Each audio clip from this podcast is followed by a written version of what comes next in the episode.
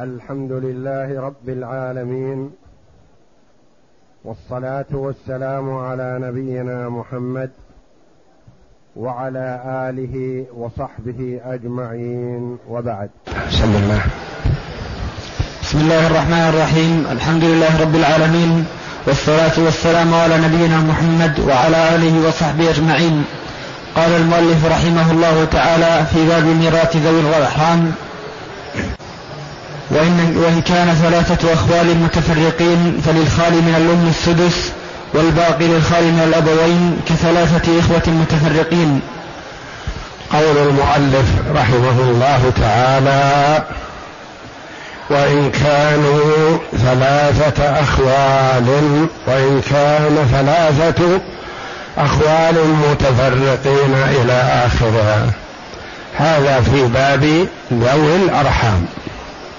وتقدم لنا أن ذوي الأرحام يرثون عند فقد ذوي الفروض وأصحاب التعصيب.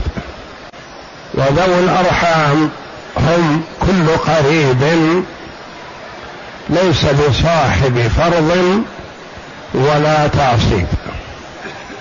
فالأرحام يختلفون من باب لباب ففي باب الفرائض هم من ليس بصاحب فرض ولا تعصيب وله قرابة في النسب. كأب الأم والخال والعم لأم وبنات العم وأولاد الخال ونحوهم. قرابة ليسوا بأصحاب فرض ولا تعصيب. وأنه إذا وجد واحد منهم أخذ المال كله وإن كانوا جمعا متساوين أخذوا المال على عدد رؤوسهم. وإن كانوا مختلفين فتفرض أن الميت من أدلوا به وتعطي كل شخص حسب ميراثه ممن أدلى به يأخذه من تركة هذا الميت فإن كانوا جمعا يدلون بشخص واحد متساوين فيه قسم المال بينهم. وإن كانوا جمعا يدلون بشخص واحد لكنهم متفاوتون في الإرث كالخالات المتفرقات خالة شقيقة وخالة لأم وخالة لأب وكالأخوال المتفرقين خال شقيق وخال لأب وخال لأم وكالعمات المتفرقات عمة شقيقة للأب وعمة أخت للأب من الأم وعمة أخت للأب من الأب وهكذا. فكيف العمل؟ تجعل من أدلوا به كأنه هو الميت. كيف يرثونه؟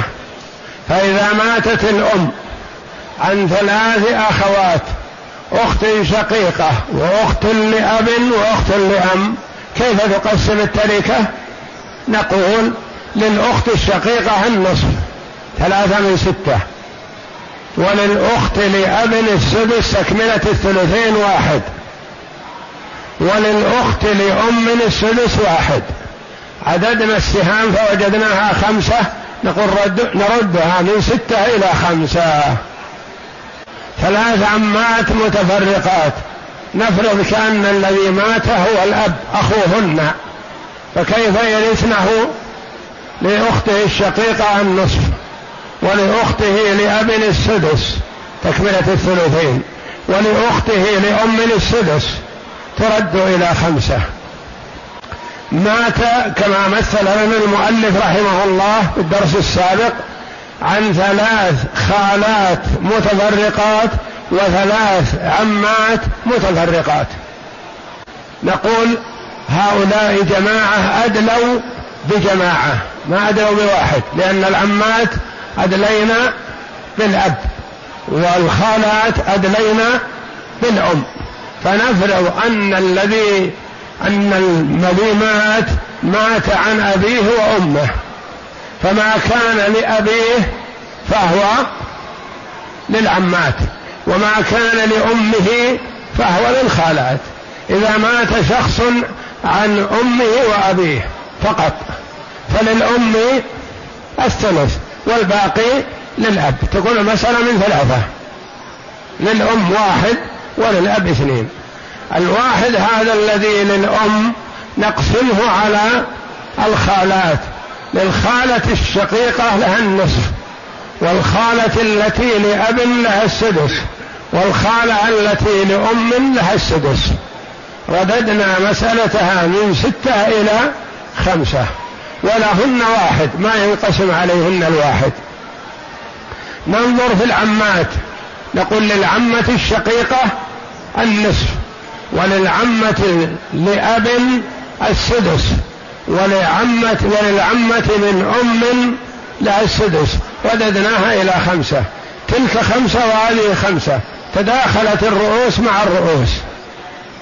السهام ننظر بينها وبين الأنصبة. نجد لل... كلها مباينة. خمسة لهن واحد وخمسة لهن اثنين. مباينة. نضرب الاثنين نضربها ثلاثة في خمسة التي هي أصل المسألة في عدد الرؤوس التي هي السهام السهام. ثلاثة في خمسة بخمسة عشر.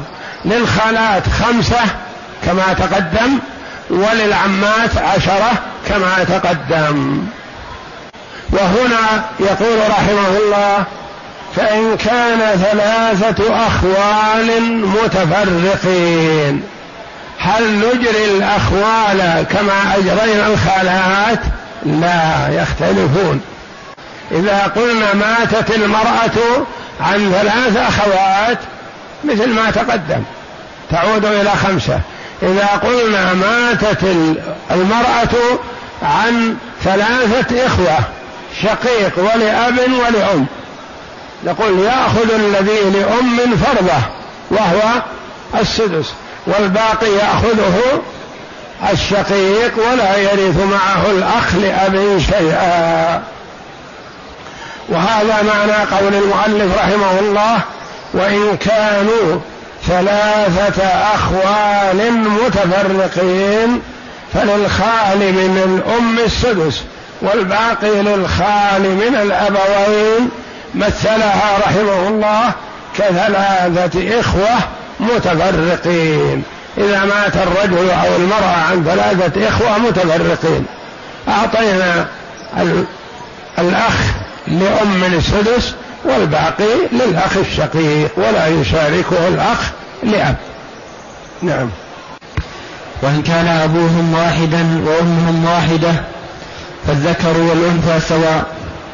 إن كان أبوهم واحد وأمهم واحدة فهم ذكرهم وأنثاهم سواء وهذا في باب الأرحام. باب الأرحام ذكرهم وأنثاهم سواء مثل الإخوة لأم.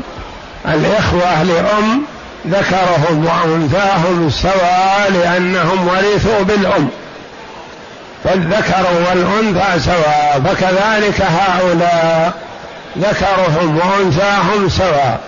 مثلا عم لأم وعمات ثلاث شقيقات يعني شقيقة ولأب ولأم يكون العم والعمة ميراثهم سواء لأن العم لأم من ذوي الأرحام.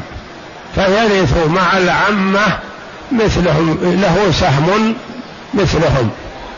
فالذكر والأنثى سواء لأنهم ورثوا بالرحم المجرد يعني ما فيه نسب وإنما رحم. فاستوى ذكرهم وأنثاهم كولد الأم وعنه نعم. لأنهم يرثون بالرحم المجرد فاستوى ذكرهم وأنثاهم كولد الأم. وعنه أنهم يقتسمون للذكر مثل حظ الأنثيين. وعنه رواية عن الإمام أحمد رحمه الله أنه إذا اجتمع أخوال وخالات يقتسمون للذكر مثل حظ الأنثيين وهذه رواية مرجوحة. نعم. لأنهم فرع على ذوي الفروض والعصبات فثبت فيهم حكمهم. هذا من باب التعليل أنهم هؤلاء ذوي الأرحام فرع فرع عن العصبات وأصحاب الفروض. وأصحاب الفروض والعصبات للذكر مثل حظ الأنثيين. نعم. وقال الخراقي يفضل الخال على الخالة دون سائر ذوي الأرحام. الخرقي رحمه الله صاحب المختصر الذي شرحه شرحه صاحب المغني يقول الأخوال يفضل الخال على الخالة لأن الخال منزلة أخ للمدلى به وهذه منزلة أخت فالخال والخالة يفضل ذكرهم على أنثاهم اجتهاد منه رحمه الله دون سائر أصحاب الرحم. نعم. وإن أدلى جماعة بجماعة فاقسم المال بين المدلى بهم على ما تجبه الفريضة فما صار لكل وارث فهو لمن أدلى به. نعم. هذا مثل ما سبق. أدلى جماعة بجماعة. يعني خالات ثلاث وعمات ثلاث. العمات لمن أدلينا بالأب الخالات لمن أدلينا بالأم. يعني ما كلهم أدلوا بواحد وإنما أدلوا بعدد. أدلوا بجماعة جماعة أدلوا بجماعة. كيف يقسم؟ أعطانا رحمه الله قاعدة. قال اقسم المال بين المدلى به وما جاء صار لكل واحد فأعطه لمن أدلى به من بعده. هالك عن عمات وخالات. نقول العمات أدلينا بالأب والخالات أدلينا بالأم. نقسم المال بين الأب والأم. فما كان للأم فنعطيه لمن؟ لمن أدلى به حسب ميراثهم. وما كان للأب أعطيناه لمن أدلى به حسب ميراثهم. فللأم في هذه المسألة لها واحد. يقسم بين من؟ بين الخالات الثلاث لكل واحدة نصيب خالة شقيقة وخالة لأم وخالة لأب. نصيب الأب اثنان. يقسم بين من؟ بين العمات. العمة الشقيقة لها النصف. العمة لأب لها السدس تكملة الثلثين. العمة لأم لها السدس فرضا. ثم ننظر بين الرؤوس والرؤوس وننظر بين السهام والسهام ونستخرج مصح المسألة ونعطيهم منها مثل ما أعطيناهم في المسألة السابقة. هذه نسميها جماعة أدلوا بجماعة. الخالات فقط جماعة أدلوا بفرد بواحد. العمات فقط جماعة أدلوا بواحد. بنات عم بنات عم جماعة أدلينا بواحد. بنات أعمام جماعة أدلينا بجماعة. انتبه بنات أعمام أدلينا بأعمام. مثلا. بنت ثلاث بنات عم وبنت عم آخر وبنت عم ثالث. نقسم المال بين ثلاثة الأعمام. فما كان للعم الأول له واحد. نقسمه على بناته الثلاث. وما كان للعم الثاني واحد نعطيه لابنته الواحدة. وما كان للعم الثالث نعطيه له واحد نعطيه لابنته الواحدة. فهم يأخذون نصيب من أدلوا به. نصيب من أدلوا به. إذا كان خمس خالات شقيقات مثلا وخمس خالات لأب. وخمس خالات لأم. كيف القسمة؟ خمس وخمس وخمس. نفرض أن المال نقسمه على أخوات الأم التي أدلين بها. فنقول المسألة من ثلاثة. للخالات الشقيقات لهن اثنان الثلثان. للخالات لأم لهن الثلث واحد. للخالات لأب ما له شيء لأن سقطنا الآن. ما بقي سدس يأخذونه. ثم يصحح المسألة. ثلاث بنات أخ شقيق. ثلاث بنات أخ لأب. ثلاث بنات ابن أخ شقيق. كيف نقسم؟ نقول نجعل من أدلوا به هو كأنه الورثة. إذا ماتت المرأة عن أخيها الشقيق وعن أخيها لأب وعن ابن أخيها فالمال لأخيها الشقيق يأخذه بنات الأخ الشقيق ولا يأخذ بنات ابن الأخ شيء ولا بنات الأخ لأب شيئا. نعم. وإن أدلى جماعة. وإن أدلى جماعة بجماعة فاقسم المال بين المدلى بهم على ما توجبه الفريضة فما صار لكل, فما صار لكل وارث فهو لمن أدلى به. فإن سبق بعضهم إلى الوارث فهو أحق بالمال ويسقط به إن سبق أحدهم إلى الوارث فهو أحق بالمال. مثل بنات أخ شقيق وبنات ابن أخ شقيق بنات الأخ الشقيق يأخذن المال وليس لبنات ابن الأخ شيء لأن هذول أسبق. نعم. ويسقط به البعيد إن كان من جهة واحدة. إن كان من جهة واحدة الأخوة مثلا مثل هذا المثال. نعم. وإن كان من جهتين نزلت البعيد حتى يلحق بوارثه.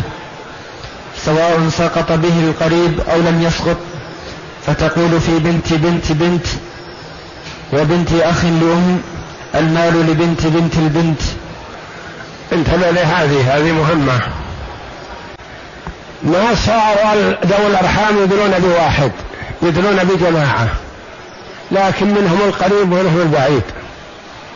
والبعيد إذا قرب يسقط القريب فتقرب البعيد حتى يكون منزلة الوارث بالفرض أو التعسيب فإن سقط به الآخر وإن كان أقرب منه سقط.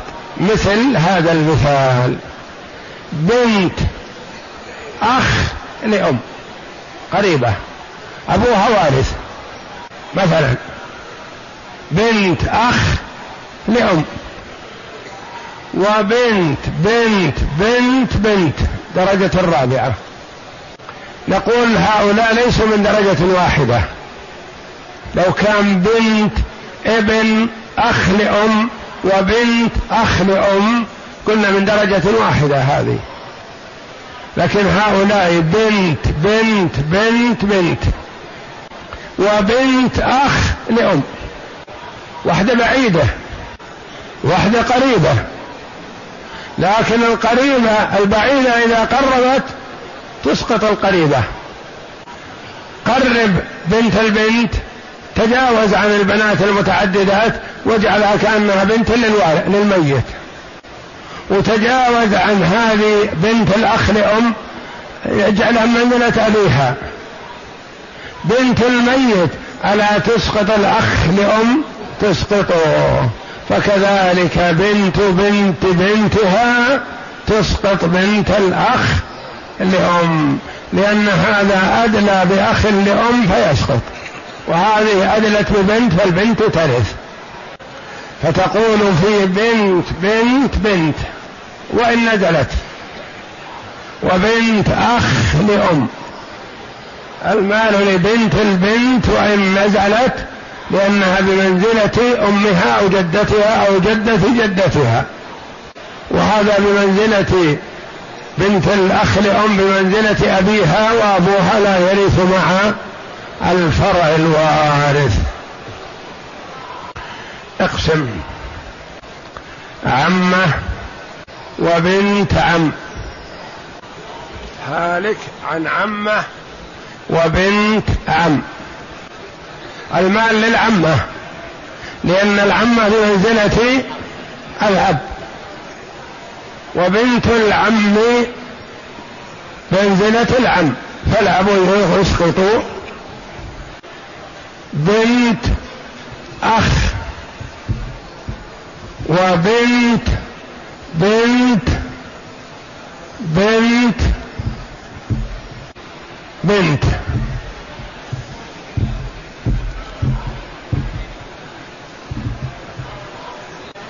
المسألة من اثنين لبنت البنت النازلة منزلة أبيها النصف منزلة أمها. ولبنت الأخ أو بنت بنت الأخ منزلة جدها أو أبيها لها الباقي بمنزلة فتأخذ ما يأخذه أبوها أو جدها. هنا في تعصيب. هلك هالك عن بنت أخ لأم وبنت عم لأب بنت أخ لأم وبنت عم لأب. المسألة من ستة لبنت الأخ لأم السدس واحد والباقي لبنت العم لأب كله لأنها منزلة أبيها وهذه منزلة أبيها. هالك عن ثلاث بنات أخ لأم وبنت أخ لأب.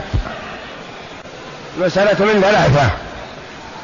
لثلاث البنات بنات الأخ لأم الثلث واحد. ولبنت بنت ولبنت العم الباقي كله لأنها بمنزلة أبيها وهكذا. والله أعلم وصلى الله وسلم وبارك على عبد ورسول نبينا محمد وعلى آله وصحبه أجمعين.